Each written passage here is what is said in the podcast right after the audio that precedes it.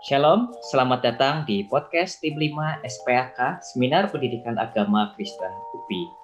Kali ini kami bersa kedatangan tamu spesial Bang Efran Sinaga dari UKM PMK. Ya, boleh perkenalkan diri terlebih dahulu? Uh, perkenalkan nama aku Efran Sinaga. Aku lulusan dari Pendidikan Ekonomi Universitas Pendidikan Indonesia angkatan 2015. Oh, sudah lulus ya? Baru kemarin ya lulus ya? ya? Iya, puji Tuhan. Oh, lulus. Jadi salah satu lulusan COVID ya kalau gitu ya. iya, bisa dibilang kayak gitu sih. Oh ya, ya dan saya juga sendiri Samuel dari UPI jurusan Pendidikan Geografi. Nah, kali ini kita mengangkat tema time management in a distorting pandemic berdasarkan Efesus 5 ayat 15 sampai 17. Nah, di sini di Efesus ini menyatakan bahwa umat Kristen harus menjadi bijaksana di tengah akhir zaman. Nah, kalau boleh tahu, apa sih menurut Bang Efran ini time management? Oke, uh, menurut aku sendiri time management itu kayak kemampuan kita sih, bagaimana kemampuan kita untuk mengatur waktu kita agar lebih efisien dan lebih efektif gitu. Oh, itu oh, aja sih. Simple sih menurut aku kalau misalkan teman-teman ada pengertian sendiri baik lagi gitu. Tapi menurut aku time management itu kemampuan kita untuk mengatur waktu kita sebagaimana untuk lebih efisien dan menjadi apa namanya untuk lebih efisien dan lebih efektif. Hmm, ya karena memang ternyata Bang Efran ini backgroundnya ekonomi jadi dia lebih suka yang efisien dan efektif seperti itu kan? Nah seberapa pentingnya sih yeah. manajemen itu? Ya seberapa penting manajemen itu kan? Uh, kalau dibilang penting-penting, kalau ada yang bilang nggak penting juga ya nggak apa-apa nggak penting, tapi akan lebih baik kalau kita menganggap manajemen waktu itu adalah satu hal yang sangat penting karena uh, segala sesuatu yang kita atur pasti harus kita kerjakan. Kita tahu jam jadwal kita makan, kita tahu jadwal kita tidur, jadwal kita main karena kita bisa ngatur waktu kita dengan baik Beda halnya sama orang-orang yang nggak mengatur waktunya dengan baik. Kalau kita ngatur waktu kita dengan baik, pasti segala satunya akan berjalan dengan lancar. Iya. Kalau kita nggak ngatur waktu kita dengan baik, pasti ya murah dulu dong semuanya ya nggak. Iya benar. Nah, terus bagaimana sih cara memulainya? Kan kayak saya tuh susah kan, apalagi di rumah seperti ini kadang-kadang kan uh, godaannya banyak gitu kan apalagi saya ada wifi gitu kan tahu-tahu padahal besok ada PR malah youtuber gimana caranya? Balik lagi sih ke kitanya kalau misalkan kita nih misalkan uh, teman-teman di sini kan masih pada mahasiswa semua ya. Iya kurang lebih ya beberapa iya pasti lagi, ya. Uh, udah pada tahu dong. Iya pasti udah di akhir-akhir ya. Semoga lulus ya secepatnya ya. Ya amin. Uh, kalau misalkan mahasiswa tuh kan pasti punya time schedule-nya masing-masing kan pasti udah ditempel di dinding atau dibuat di HP jadi reminder. Nah yeah. kita udah nyusun-nyusun nih semua plan kita dari A B C D E F G dari bangun tidur sampai uh, mau tidur kembali. Nah kita udah ngerencanain itu semua. Nah kalau misalkan ada godaan yang datang godaan yang menghampiri kita balik ke kitanya. Kita mau konsisten nggak sama apa yang udah kita susun nah kalau kita tetap konsisten Nah pasti dong kita bakalan ngerjain misalkan jam uh, eh, 7 sampai jam 12 nih kuliah di kampus. Nah habis itu kita ngapain? Nah balik lagi paling kita ngapain? Lihat jadwal nih. Oh balik ke kosan ngerjain PR satu jam dua jam nah habis ngerjain PR ngapain terserah main-main sesuai dengan jadwal kita kalau misalkan kudahan ada nah balik lagi kita kita mau nggak plan yang kita susun itu hancur atau kita mau nggak apa memperbaiki pekerjaan-pekerjaan kita sebelumnya. Nah semua itu balik lagi ke kita sih.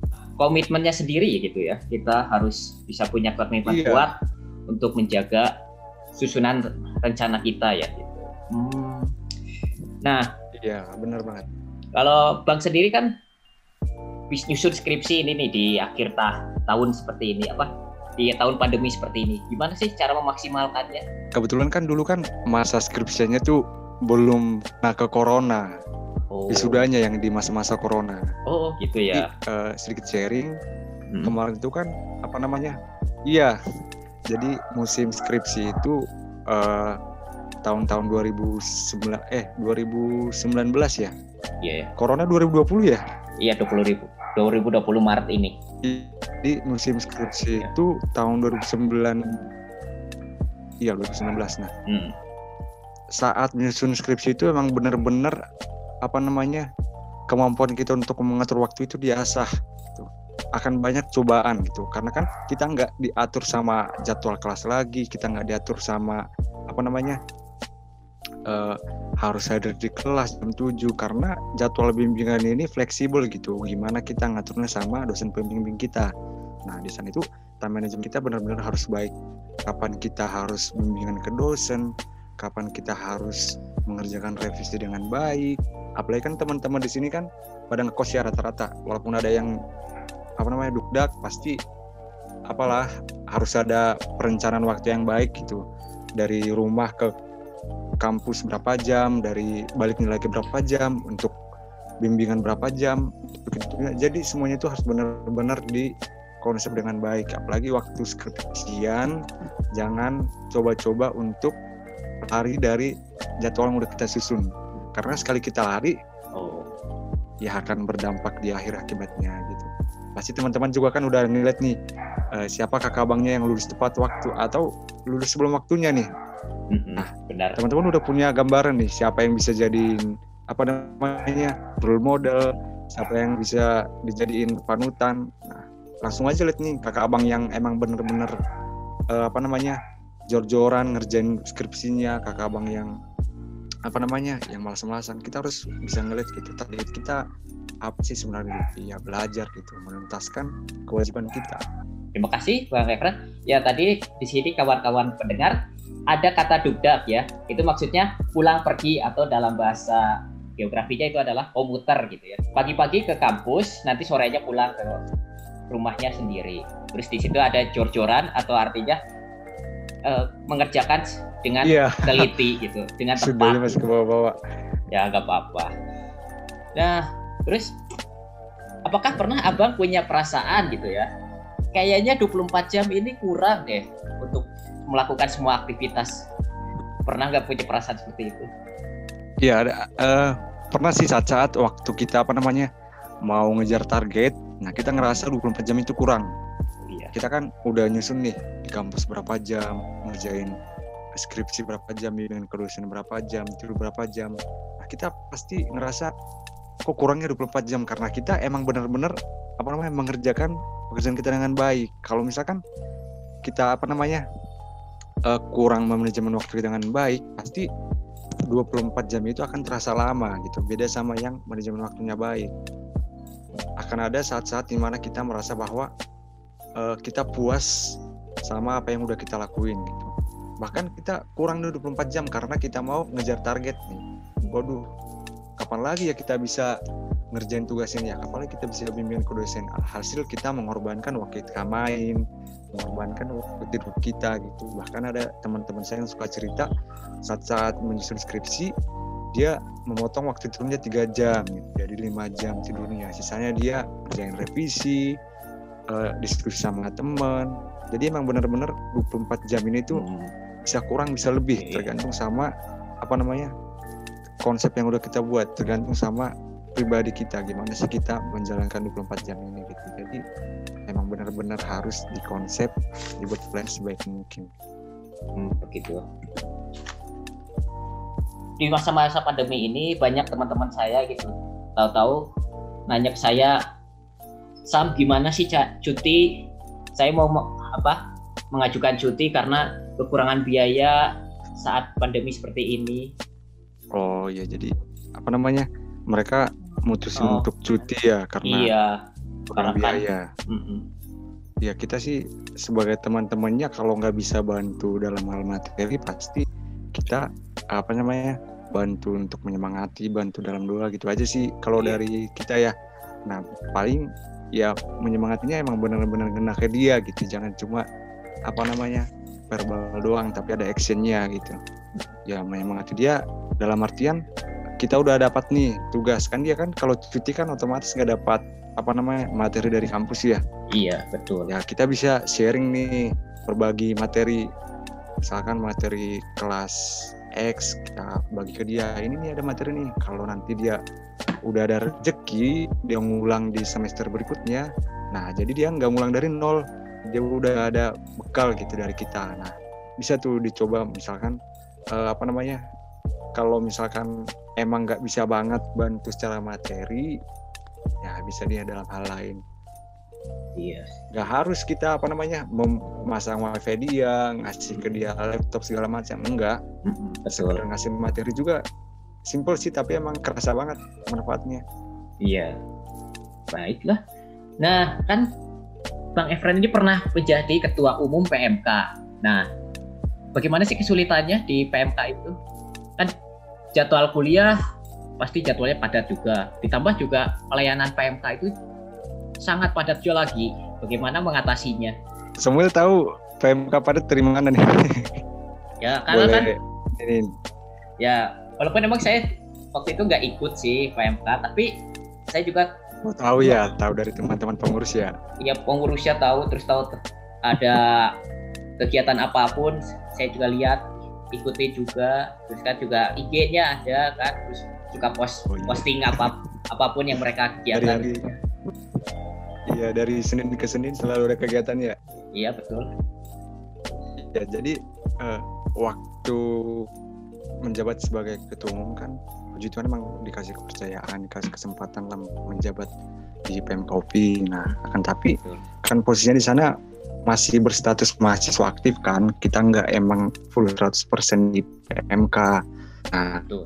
berarti otomatis kita harus benar-benar bisa mengatur waktunya dengan baik gitu bukan berarti jadi PMK fokus banget nih memang nggak ada satu ketika di mana uh, aku benar-benar tujuan kita apa gitu.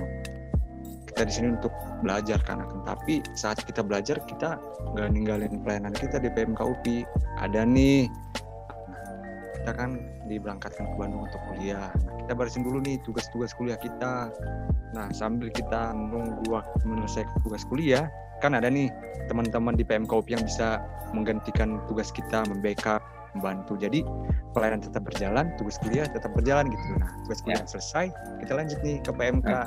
jadi emang benar-benar uh, pengaturannya itu harus bisa dengan bijak gitu. jangan karena dihadapkan dua pilihan karena di sini nih lumayan nih.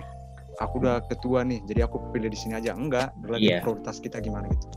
Nah, hmm. prioritas itu harus benar-benar kita perhatikan gitu. Jangan karena di sini tinggi ya udah nih di sini aja nih aku 100% tuh kalau belakangan nanti bisa konsul. Enggak karena kita kan nggak tahu nih penilaian dosen gimana gimana ya. Yeah. jadi emang kita harus benar-benar memberikan 100% dulu di kuliah. Nanti kalau misalkan tugasnya udah beres balik lagi ke pelayanan.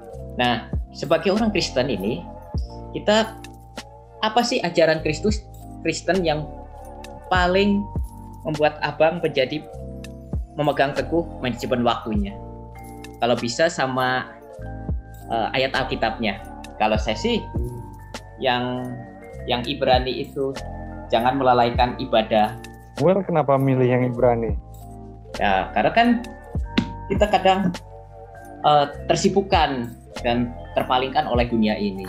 Kadang dan juga sering uh, apa sih gitu uh, ke gereja gitu dan itulah yang membuat saya semangat dan terus melakukan pelayanan. Nah kan kita sebagai orang Kristen apa sih ya pedoman bagi abang yang bang Efran mengelola waktu? Kalau aku pribadi aku selalu ingat yang ini nih. Iya, jadi ayat yang selalu aku pegang ini ini diambil dari Kolose 3 ayat 23. Oh iya. Ya, aku bacain ya. Silakan. Uh, Kolose 3 23 berbunyi apa pun juga yang kamu perbuat, perbuatlah dengan segenap hatimu seperti untuk Tuhan dan bukan untuk manusia. Iya.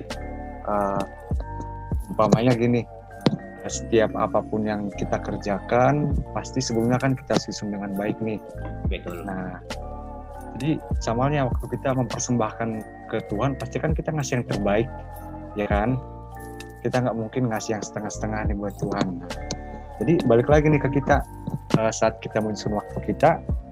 Nah kita mau kita mengerjakan waktu kita dengan baik atau kita berbohong sama apa yang udah kita susun? Karena waktu kita menyusun dengan baik kan otomatis kita berjanji untuk konsisten melakukannya dengan baik. Nah saat ada godaan dari teman dari mana pun nah kita harus tetap konsisten karena uh, apa namanya setiap apa pun yang udah kita susun kita berjanji untuk melakukannya dengan baik. Nah seperti untuk Tuhan nih. Yang bilang tadi kita pengen ngasih yang maksimal untuk Tuhan bukan yang ngasih yang setengah-setengah.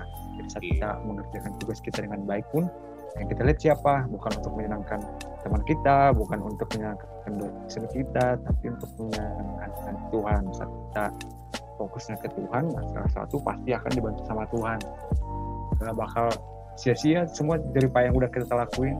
Pasti kalau teman-teman ngelakuin ini pasti teman-teman juga bakal ngerasa puas sama hasilnya nanti.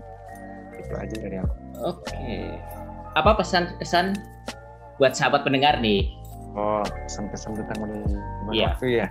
Ya jadi uh, untuk teman-teman yang ada di mana pun berada yeah. ya baiklah kita mengatur waktu kita dengan baik karena uh, kita tuh hanya bisa mengatur waktu kita. Kita nggak bisa ngulang waktu kita. Setuju nggak? Ya betul. Jadi kita ngatur waktu kita di sedemikian rupa bisa banget kita ngatur waktu kita. Bisa banget. Tapi kita ngulang waktu kita bisa nggak? Enggak iya makanya kita benar-benar mengerjakan iya mengerjakannya dengan baik mengatur waktu dengan baik. Itu aja dari aku oke begitulah uh, podcast tim 5 SPAK UP terima kasih semuanya. Selamat beraktivitas dan jaga terus konsistensi manajemen waktunya